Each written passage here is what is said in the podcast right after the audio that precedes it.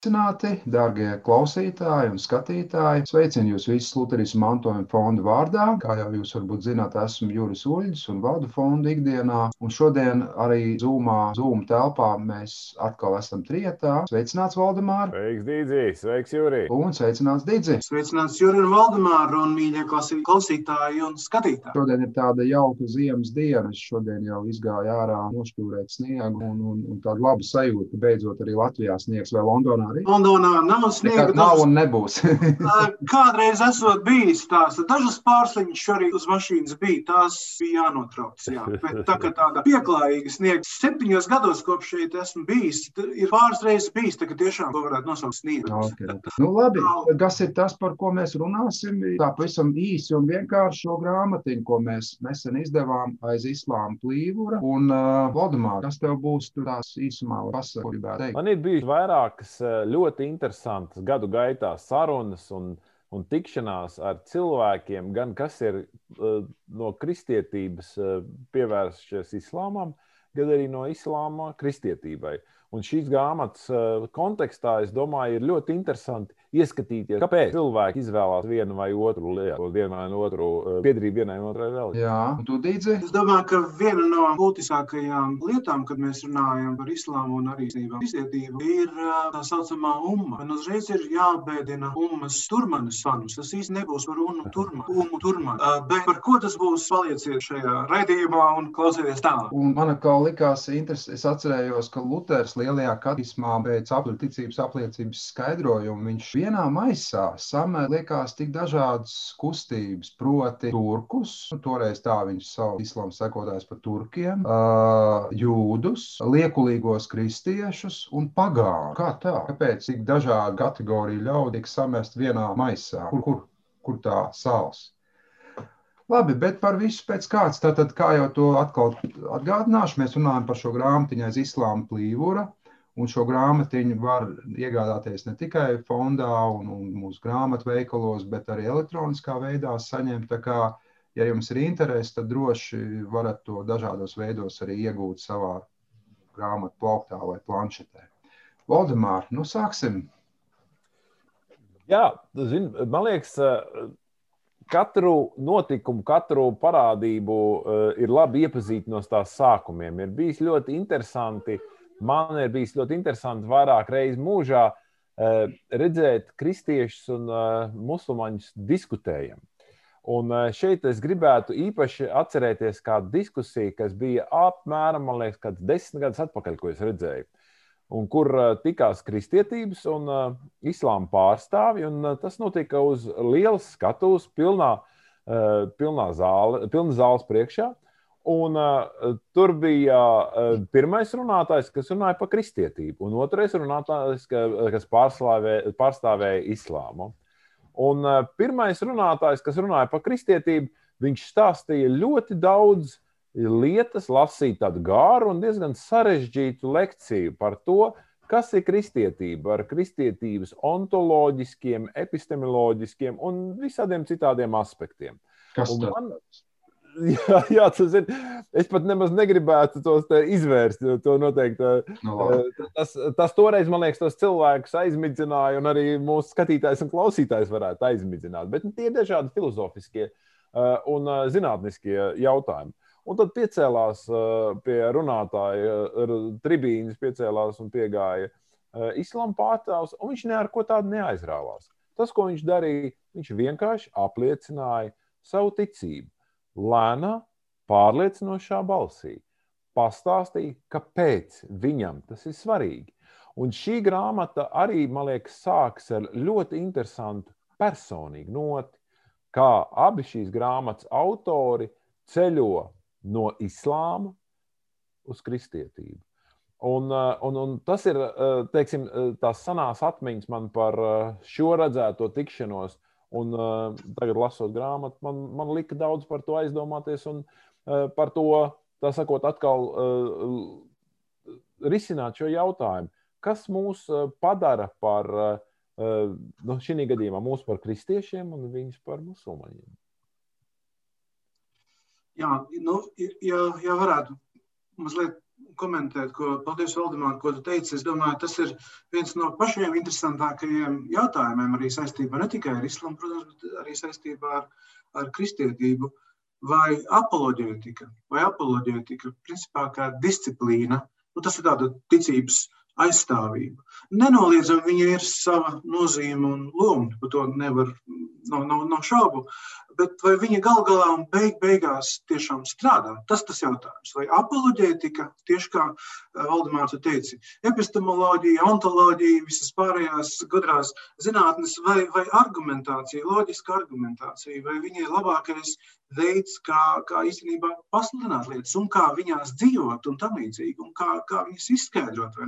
Tādēļ es runāju par ummu jau pašā eh, sākumā, ka, manuprāt, ir neiedomājami liela nozīme tieši sabiedrībai. Tas, tas ko jeb, jeb kopienai, jeb kopībai, tas, tas ko umma nozīmē islamā. Ja ir laba kopiena, ja ir laba kopība, kurā cilvēks jūtas droši, pasargāts un tam līdzīgi, un tā tam vajadzētu būt. Eh, jebkurā īstenībā ticības kopienā, eh, vai, ne, vai tas būtu islāms vai kristietība. Ja tā ir, tad ir ārkārtīgi grūti, ārkārtīgi grūti izlausties cauri kādiem apoloģētiskiem sakot, argumentiem.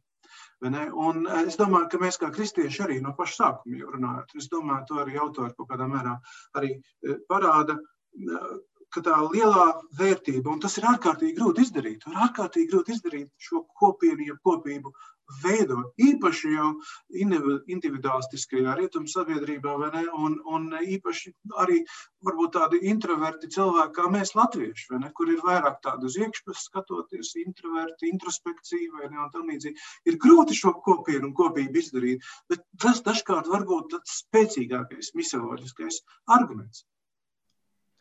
Jā, es kā lasot šo grāmatu, protams, sagaidīju, ka viņa daudz runās par pašu islāmu, un viņa arī runā daudz par pašu islāmu. Bet ne tikai, kā to Valdemārs arī piebilda sākumā, principā viņa liek arī domāt par to, par mums kristiešiem, un atbildēt uz tādu pavisam vienkāršu jautājumu, kas ir kristietība. Ja? Un tad ir tā vērts kādreiz sev pašam uzstādīt šo jautājumu, jā, kā es atbildētu uz šo jautājumu, ja man būtu dots laiks divas minūtes, piemēram sarunā uz ielas ar islāmu ticu, kas ir kristietība. Ja? Un es domāju, ka parastā standarta, es starp citu vakar vēl klausījos vienu raidījumu televīzijā, kur uz ielas pareizticīgos svētkos prasīja ļaudīm, vai viņi tic dievam, eh, intervētāji uz ielas. Un ļoti zīmīgi man likās tā atbilde, ka ļoti daudzi atbildēja to, ka viņi, nu, jā, viņi mēģinot darīt labus darbus. Un man likās ļoti interesanti tā atbilde tādā ziņā, ka pārsvarā cilvēkiem kristietība asociējās ar labajiem darbiem, ar baušļiem, ar baušļu darīšanu. Ne vārdu par Kristu, ne vārdu par Kristus nopelnu, par to, ko viņš ir darījis mūsu dēļ, ne vārda. Uzsvars uz mūsu morāli, labajiem darbiņiem, ziedošanos, ziedojumiem un tam līdzīgi. Ja. Tas, tas, tas ir tā vērtība arī šai grāmatai, ka viņi liek mums no jauna pārdomāt, jā, kas tad ir kristietība. Jā. Bet es esmu tā reizēm domājis, kurš pie tā ir vainīgs, ka mēs nezinām, kas ir kristietība. Un te nu. noteikti nav vainīgi musulmaņi. jo man jāsaka tā, ka esmu diezgan daudz eh, ticies arī ar dažādu, dažādu konfesiju un dažādu uh, mācību iestāžu pārstāvjiem. Un tomēr ir tik reti kristīgu iestāžu, kristīgu vēl savulaik kristīgu teoloģisku iestāžu uh, pārstāvju mācību spēku, kuri godīgi teikuši, eh, kāpēc viņi ir kristieši, argumentējuši par kristietību ne tikai uh, intelektuāli, bet arī tādā tīri ticības valodā. Un tā mums trūkst, man liekas. Jā, Jā par to uh, runājot, par ko Juris minēja, par to, kā kristieši uh, paši sevi saprot un ka lielākoties nu jā, nu, valstlība, jeb, jeb ticība, kas taisnība, balstīta uz darbiem, ir tāda nu, dominējošā doma kristīgajā ticībā. Tas īstenībā ir salīdzinoši traģiski, patiešām, ka cilvēki tā arī vēl joprojām mm. domā par kristīgo ticību, un tas īstenībā kristīgajai ticībai paņem nost pašu, pašu pamatu. Mm. Ja reiz darbi, tad darbi, tad, tad tas ir tas pats, ko Muhameds saka īstenībā. Tad, tad tieši tā, 51% no taviem uh, darbiem no dzīves laika, ja ir labi, tev ir izredzes. Ja mazāk, tad, tad, tad nav variantu. Bet es pateikšu vēl kādu interesantu lietu, lasot šo grāmatu. Un, un es pats esmu lasījis arī Pasaules reliģijas Lutera akadēmijā savulaik. Un es noteikti studentiem, ja būtu šī grāmata tajā laikā, es noteikti dotu šo lasīt. Izcila grāmata, manuprāt, ļoti laba. Mm. Bet tas, kas mani tā iekustināja, jāsaka, un lika pārdomāt lietas, ir, ir e, tātad no otrās sūras no Korāna. E, viens, viens e, tātad no otrā līdz trešajam ajātam, vai kā viņi sauc pantiem. Sūtini viņš, jā, sūtini viņš sūta šos patiesos rakstus tev lejup lai apstiprinātu to, kas jau bijis. Viņš sūta leju bauslību un evaņģēlību pa priekšu par ceļvedi ļaužu dzimumam. Ho! Bauslība un evaņģēlīja, vai ne? Tas ir, tas ir interesanti, vai ne, brāļi? Bauslība un evaņģēlīja. Bet, protams, jo vairāk iedziļinies, ko evaņģēlijas nozīmē tādā ziņā, Korāna izpratnē, tad varētu pavisam īsti to raksturot vairāk kā nu, daudz piepildītāka, skaidrāka, lielāka, dziļāka, bet bauslība. Tāpat tā bauslība. Tur nav evaņģēlīja, jeb apžēlošanas tādā ziņā iekšā. Un tas ir ļoti būtiski to saskatīt. Un īpaši runājot par kristiešiem, kuri arī izskatās evaņģēlīja bieži vien pārvērš par labāku, cēlāku, lielāku, stingrāku bauslību. Un tā sakot, iesākuši eh, garā, eh, tāpat pabeigts miesā.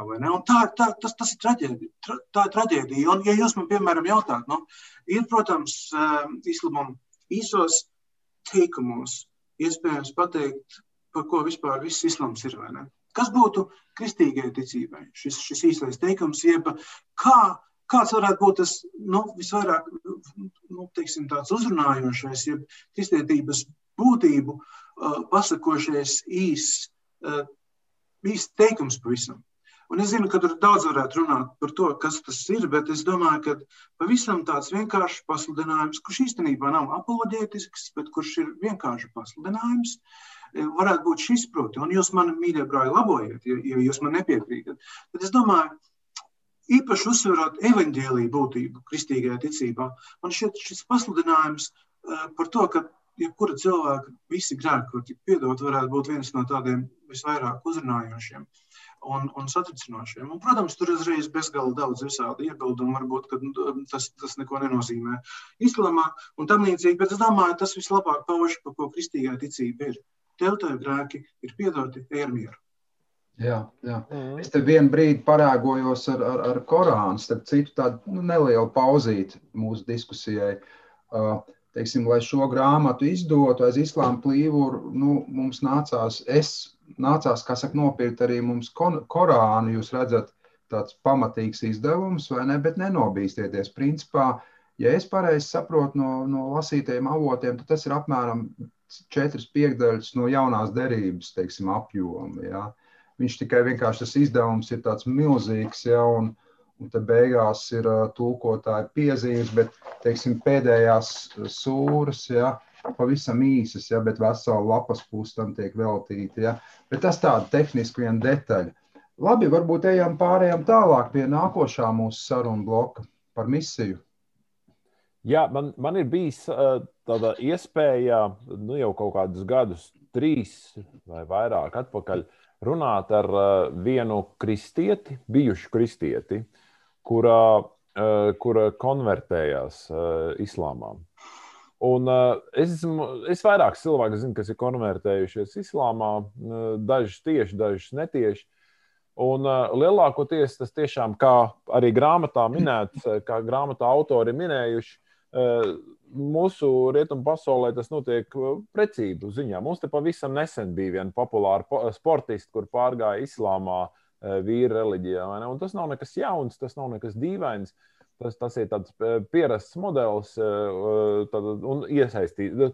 Tāds, nu, daudz, daudz redzēts modelis. Un parasti ar, ar, ar tiem cilvēkiem ir bijis varbūt mazāk interesanti runāt, konkrēti par reliģijas jautājumiem, jo viņi neko daudz iepriekš nav zinājuši. Viņi nav zinājuši par kristietību. Daži no viņiem bija vairāk, tagad zina par islāmu. Nu, daži arī neko daudz arī nezina par islāmu. Viņi pārgājuši un viss. Un, bet kāpēc es minēju to cilvēku, kas tā, tā bija arī sieviete, kas bija apprecējusies ar musulmanu vīru? Un, uh, viņa bija iepriekš bijusi aktīva vienu no mūsu draugu locekļiem. Un tad es viņai tā jautāju, kāpēc. Nu, man vienkārši interesē, kāpēc, kas ir tas, kas tev ir uh, pārvedis, uh, tā sakot, uh, citā reliģijā. Un viņa, viņa atbildēja to, ko arī, ja es ātrumā, ja man izdosies atrast, uh, kur uh, autori uh, minēja par vairākiem cilvēkiem, kuri bija konvertējušies Eh, un, un viena no tām, tām no sievietēm viņa skaidri teica, islāms ir reliģija, ko es varu saprast. Reliģija, kur, kurā ir visa loģika iekšā. Un, tas ir arī viens no tiem soļiem, kurus, kurus ļoti izmanto daudzi, uh, daudzi uh, islāmā, varētu teikt, tā uh, misionāri. Viņi nāk runāt ar kristiešiem, un tas, ap citu, bijis mums te Latvijā arī. Uh, ka pēc dievkalpojuma ienāk divi bārdaini vīri un saka, mācītāji, vajadzētu parunāt. Un, un, un tad nu sākas saruna. Un viņiem ir savi argumenti, ko viņi liek galdā. Uh, un viens no tiem pilnīgi noteikti ir, ir jautājums par to loģiku. Un, un, un, uh, kaut kāda cilvēciskā loģika pilnīgi noteikti ir vairāk islamā. Vismaz cik, to, cik es esmu to vērojis. Bet jautājums, vai tas ir tāpēc, ka um, kristietība būtu vājāka, un es domāju, ka nē.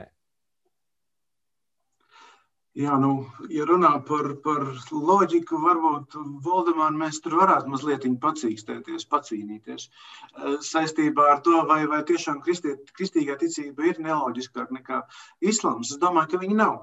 Bet tas, kad ir varbūt vairāk, teiksim, tā nu, mistērijas elementi, ko mēs paši ļoti labi atzīstam un saprotam. Kā var maize kļūt par uh, Kristus uh, miesu, ne, un kā var būt Dievs trīsvienīgs uh, un tam līdzīgi. Tas ir, protams, salīdzinoši grūti. Tā, tā ir mistērija oficiāli atzīta kristīgajā baznīcā, kā, kā, kā misterijam vai ne, kaut sakraments, kaut kas, kas līdz galam nav, nav izprasts un izskaidrots, bet tajā pašā laikā loģiski runājot, nu skaidrs, ja Dievs ir pārdabisks, vai ne? Nu, mēs taču nevaram viņu pilnībā iekļaut visās mūsu loģiskajās, racionālajās struktūrās un, un visās, visās, kā sakot, vis, visā mūsu loģikā. Bet es domāju, ka tas, tas, tas lielākais loģikas jautājums īstenībā saistībā ar kristietību un, un, un, un islāmu ir, ir sekojoši.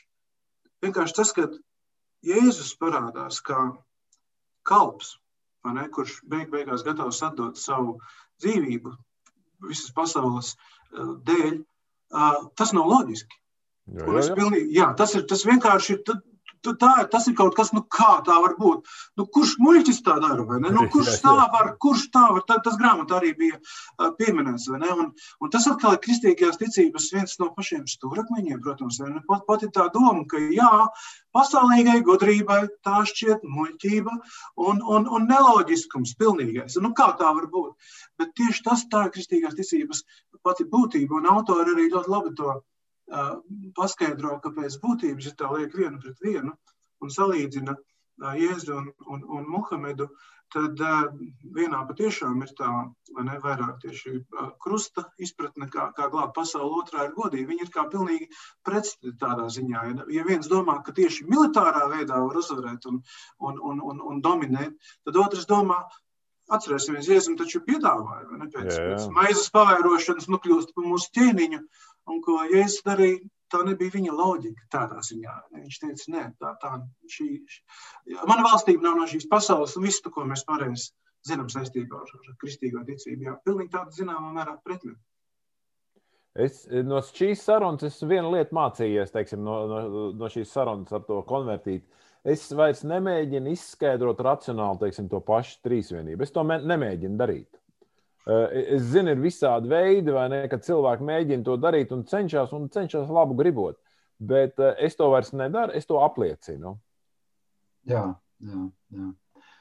Eh, runājot par misiju, faktiski, jā, kā jau jūs to nojauta, nojaušat, klausītāji, tad šī grāmata arī orientēta uz, lai dotu tādu tā kā rīku, teiksim, kristiešiem, lai veiktu arī misiju starp islām ticīgajiem. Uh, un, un principā Lutheris mantojuma fonds, es vienmēr to esmu uzsvērs, mēs jau esam tā kā tāda misijas organizācija. Ja mēs neesam, mēs nepelnam naudu, ja mēs uh, Jā, mēs pārdodam tās grāmatas, bet par vienkārši par simbolisku cenu un pat brīžiem rīkojam akcijas, kur atdodam pa brīvu šīs grāmatas. Ja.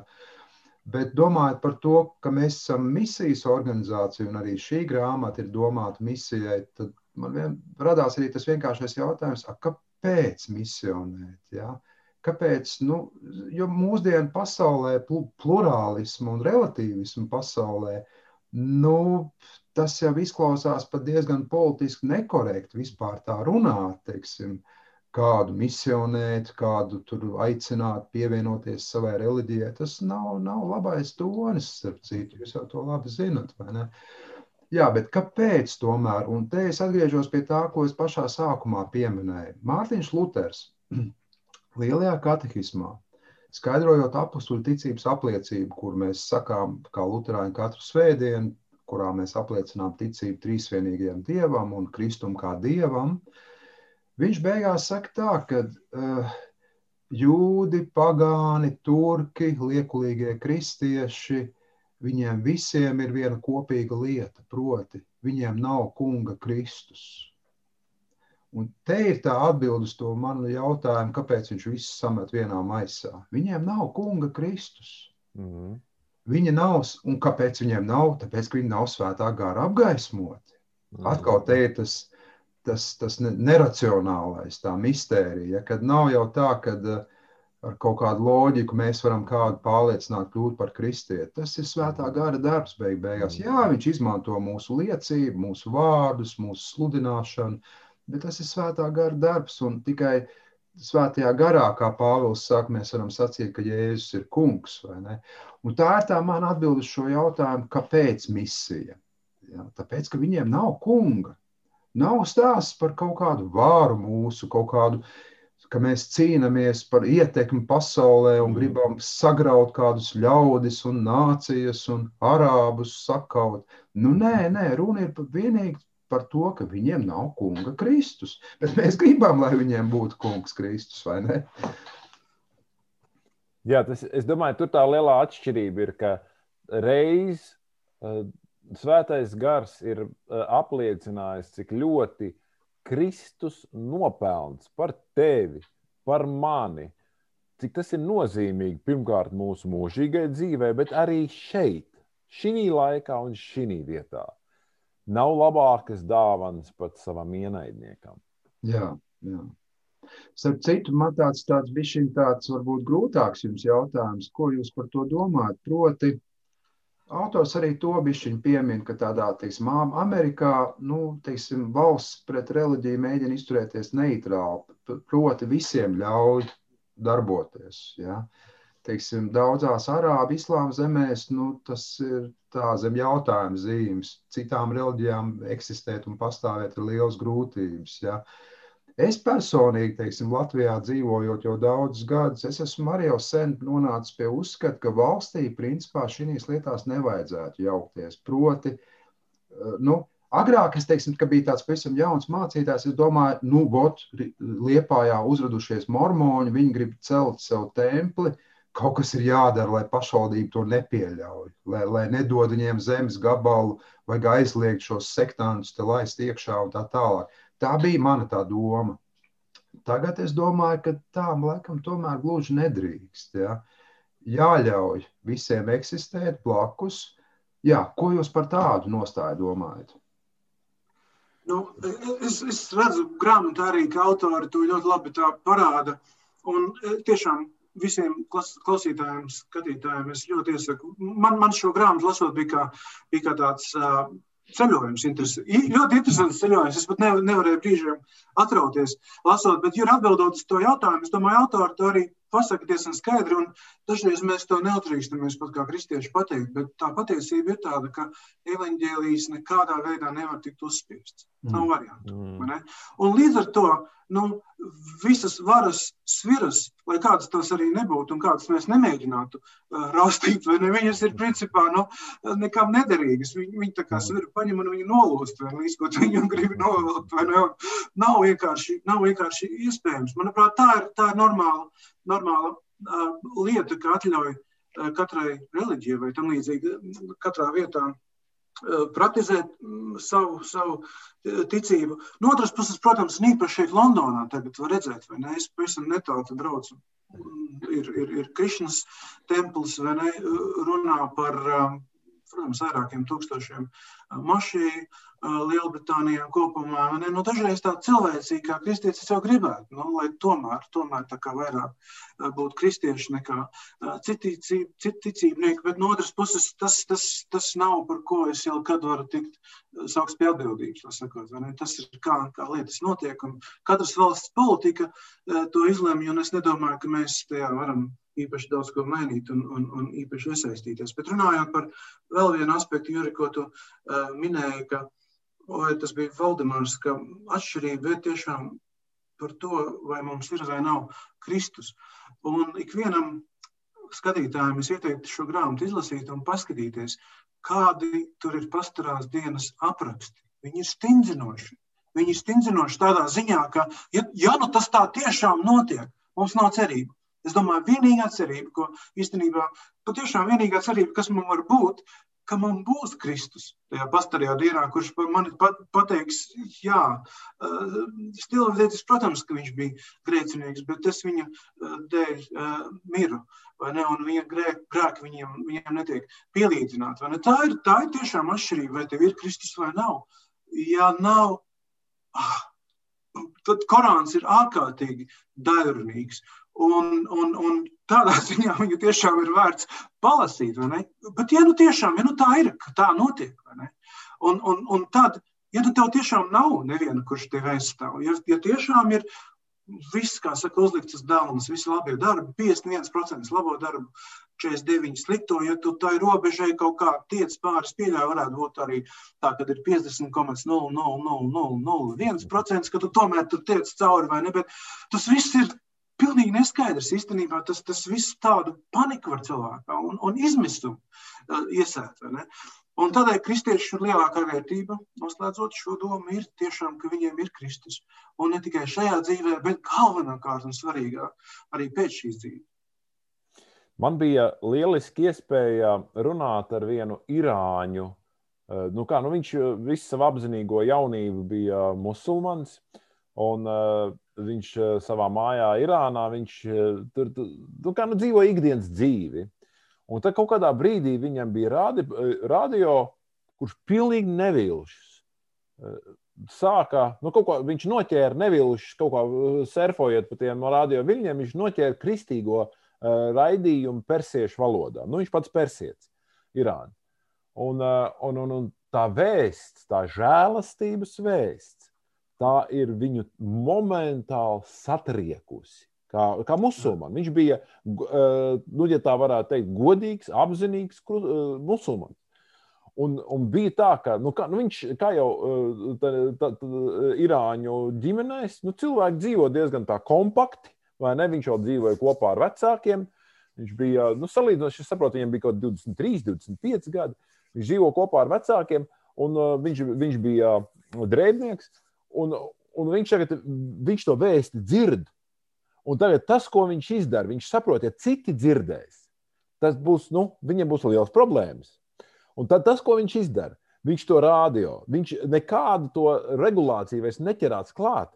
Viņš viņu izrauj laukā, kaut kādā savā mazākajā stūrītī, viņš viņu ieliek. Un klusītiņām, klusītiņām viņš viņu uzliek, baidoties pazaudēt to, to žēlastības vēsti, kas tur skan. Un tad saņ, atkal savai pārējai ģimenei, kurai nu, vajag, vajag citu rādio, vai ne? Viņš dabūja citu rādio, vai ne? Tā, tas stāsts man satrieca ar, ar, ar šo, kas arī, man liekas, ļoti labi grāmatā aprakstīts, ka uh, islāma pasaulē ir ārkārtīga nedrošība. Paldies, Dīdis, tu ļoti labi to aprakstīji. Un arī paldies, Jura, ka tu uh, tā tik labi noraksturoji, ka, ka trūkst Kristus. Kalps, kā Iesai 53 raksta, vai ne? Tas kalps, kas nes pasaules grēkus, tavus grēkus un manus grēkus. Un, protams, ka mums ir labi un pareizi daudz ko labu darīt, lai Dievs mums uz to uh, svētī uztur un palīdz. Bet, bet bez Kristus, kā tu labi teici, ir problēma. Angliski viņi saka, Houston, we have a problem. jā, jā, jā. Bet, uh, ko es gribēju teikt, uh, paldies, Valdemār, uh, ko es gribēju piebilst par pa bauslību kā tādu. Tā, mēs iepriekš runājām par uh, Gerhardu Fordi, un viņam pieder tas spārnotais teiciens, uh, ka bauslībai jau var mēģināt izsist zobus, tā sakot, lai viņa tā nekož tik, tik ļoti. Ne? Un, un principā tā mēs skatāmies, islāms ir bauslība. Un, un daļa kristietības arī bauslība. Tikai. Viņš saka, var jau izsist zobus eh, bauslībai, eh, bet tā lieta, kas notiks, ir tas, ka viņa ar smaganām tevi nosmacēs.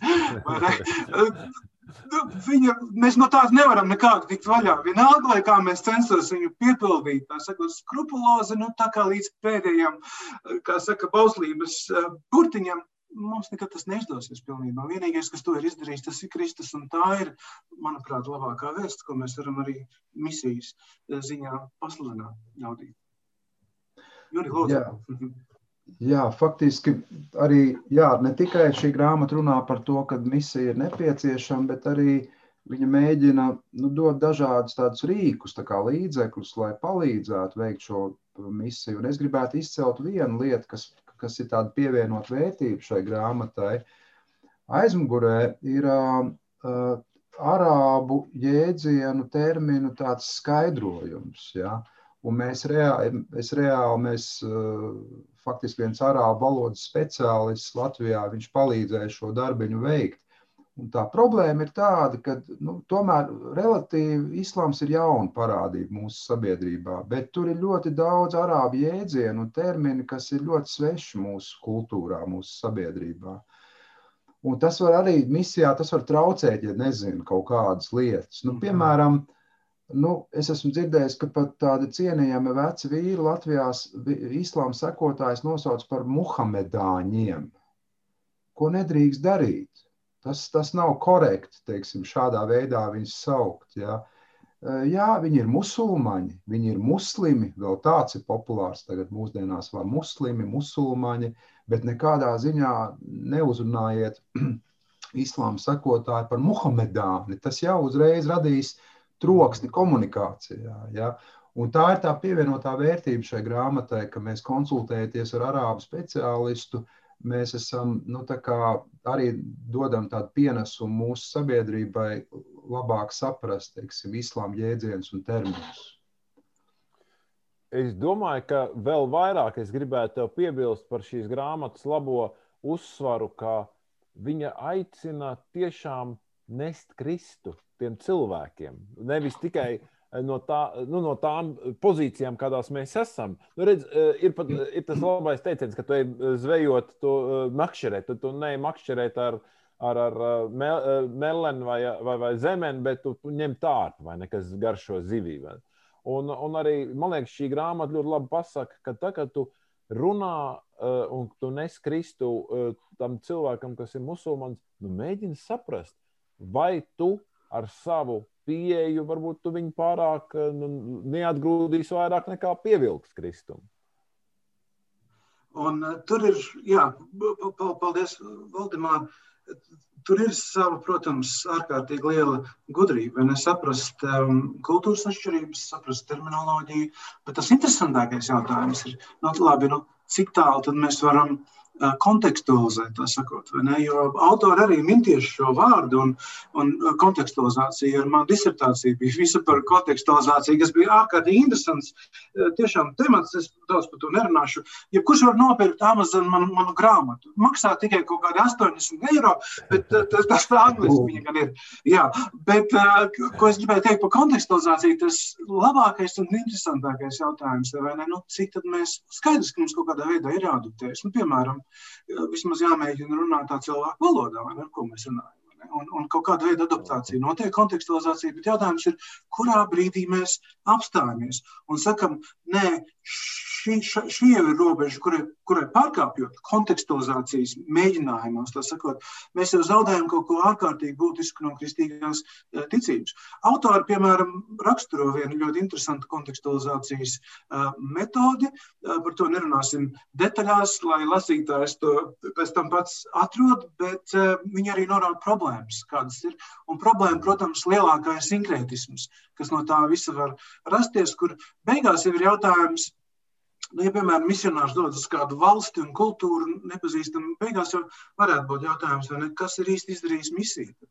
Vai tas misionārs ir izdarījis misiju tur, vai arī valsts ar savu kultūru ir izdarījis misiju uz misionāru. Ka, un, ka, ka, viņa, ka viņa vēsts, jau kristīgā vēsts, ir tik tālu adoptēta kultūrai, ka viņa vairs nav atpazīstama kā kristīgā vēsts. Un tā ir arī viena liela problēma. Tikai āķim pateikšu, ka tie, kas varbūt kādreiz lasīs to, to grāmatu, ir tas, ka principā kontekstualizācija ir ļoti problemātisks jēdziens. Ļoti problemātisks. Nu, tieši tādēļ arī, ka mēs īsti nesaprotam, ko vārds konteksts nozīmē. Bet tas, lai paliek citai sarunai. Jā, bet es atgriežoties pie tā, ko es pieminēju par tiem komunikācijas trokšņiem, brīžiem, nu, ir tāds elementārs lietas, piemēram, ja, tev, ja tu musulmaņu draugu uzaicini savā mājā, nu, neliec viņam cūgaļu, jā, teiksim, ēdu uz galda, jā. Nu, tas būs tāds troksnis, ka viņš vienkārši no šiem tevi pēc tam nedzirdēs, jebko, ko tu teiksi. Nu. Nes, nezveicina ar kreiso roku, jā. kas latviešiem arī jā, nedod vežveidīgos un vislabāk nepiedāvā vīnu arī. Jā. Tā, jā, tās, tās vienkārši, vienkārši lietas. Jā, Valdemār, varbūt tu vēl kaut ko gribi piebilst. Vēl.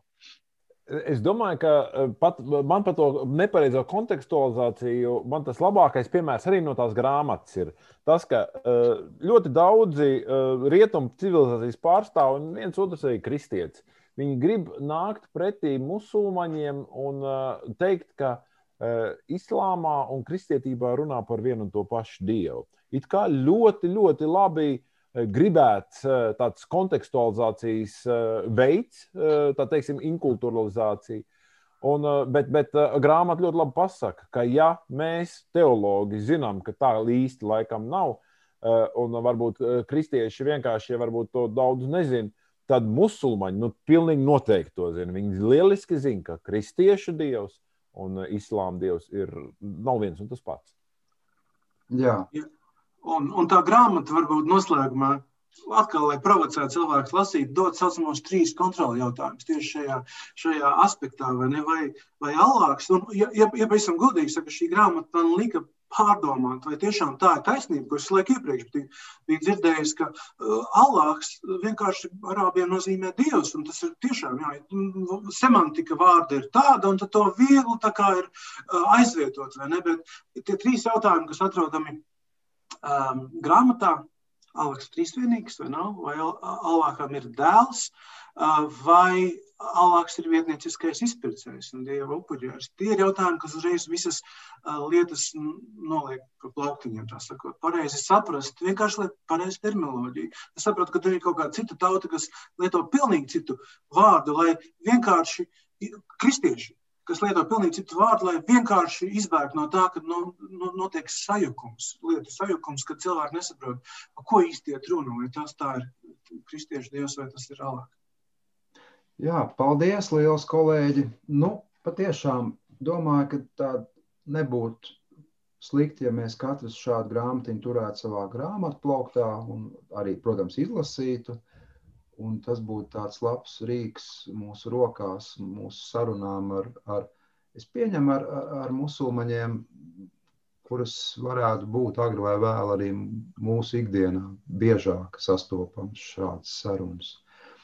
Valdemār, eh, kas būs tā lieta, ko mēs nākamo reizi varētu runāt? Es zinu, ka tev ir kaut kas padomā. Es domāju, ka, eh, ka, ka ļoti labi eh, sekojot šīs šodien aprunātās grāmatas eh, padomam eh, būtu pievērsties, nu, tā kā bišķi labāk saprast, vēl bišķi labāk, kas tad ir mūsu pašu kristiešu eh, ticība, pam, ticības punktu pamatā. Un, un viena no labākajām grāmatām, kas, manuprāt, vispār ir pieejama ne tikai latviešu, ir Mārtiņa Lutera skaidrojums Pāvila vēstulē Galatiešiem. Un, un man jāsaka, godīgi, tā ir viena no tām grāmatām, pēc kurām, pēc kur izlasīšanas, pirmkārt, es viņu būtiski apriju, jo, jo tik, tik lieliski viņi ir. Un otrkārt, man liekas, pēc kuras izlasīšanas tik daudzas lietas top skaidrākas. Tāpēc es ļoti, ļoti, tā sakot, ilgojos pēc tā brīža, kad mēs varēsim par viņu parunāt. Es tikai gribēju vēl āķi mazliet pateikt, ka man ir bijuši vairāk gadījumi mācītāju pieredzē, ka pie manis ir nākuši cilvēki un teikuši, ka viņi ir mainījuši domas saistībā. Un tie, tie, tie ir bijuši šajā gadījumā cilvēki no citām denominacijām, kaut kur radikālā protestantismu, tā sakot. Un tieši galtiešu vēstules skaidrojums vairāk ir minējuši, ka tas ir viņos radījis šo lielo pārmaiņu, izlasot, ha! Arī tā mēs varam domāt par bauslību un evaņģēliju. Un tas viņos līdzis kaut kam salūst un saprast, ka, kas ir īstenībā Bībeles pats centrs, proti, evaņģēliju. Labi, ļoti labi. Gatavosimies, lasīsim šo grāmatiņu. Teikšu vēlreiz paldies Valdemāram. Paldies! Paldies! Paldies! Sveitīgi un sveitīgi šajā laicīgo jauno gadu! Paldies, tev, Dīdzi! Paldies visiem, un arī neaizmirstiet piespiest to subscribe uh, podziņu arī apakšā, lai visi mūsu jauni pat pa taisno nonāk pie jums, un mēs arī esam Spotify dzirdam. Jā, jā. Atgādinu to, ka arī Facebookā ir pieejama informācija un YouTube ir kanāls visām šīm sarunām. Droši skatieties, sūtiet, dalieties, lai, lai viss šīs sarunas varētu izplatīties. Paldies! Dievu palīgi visiem!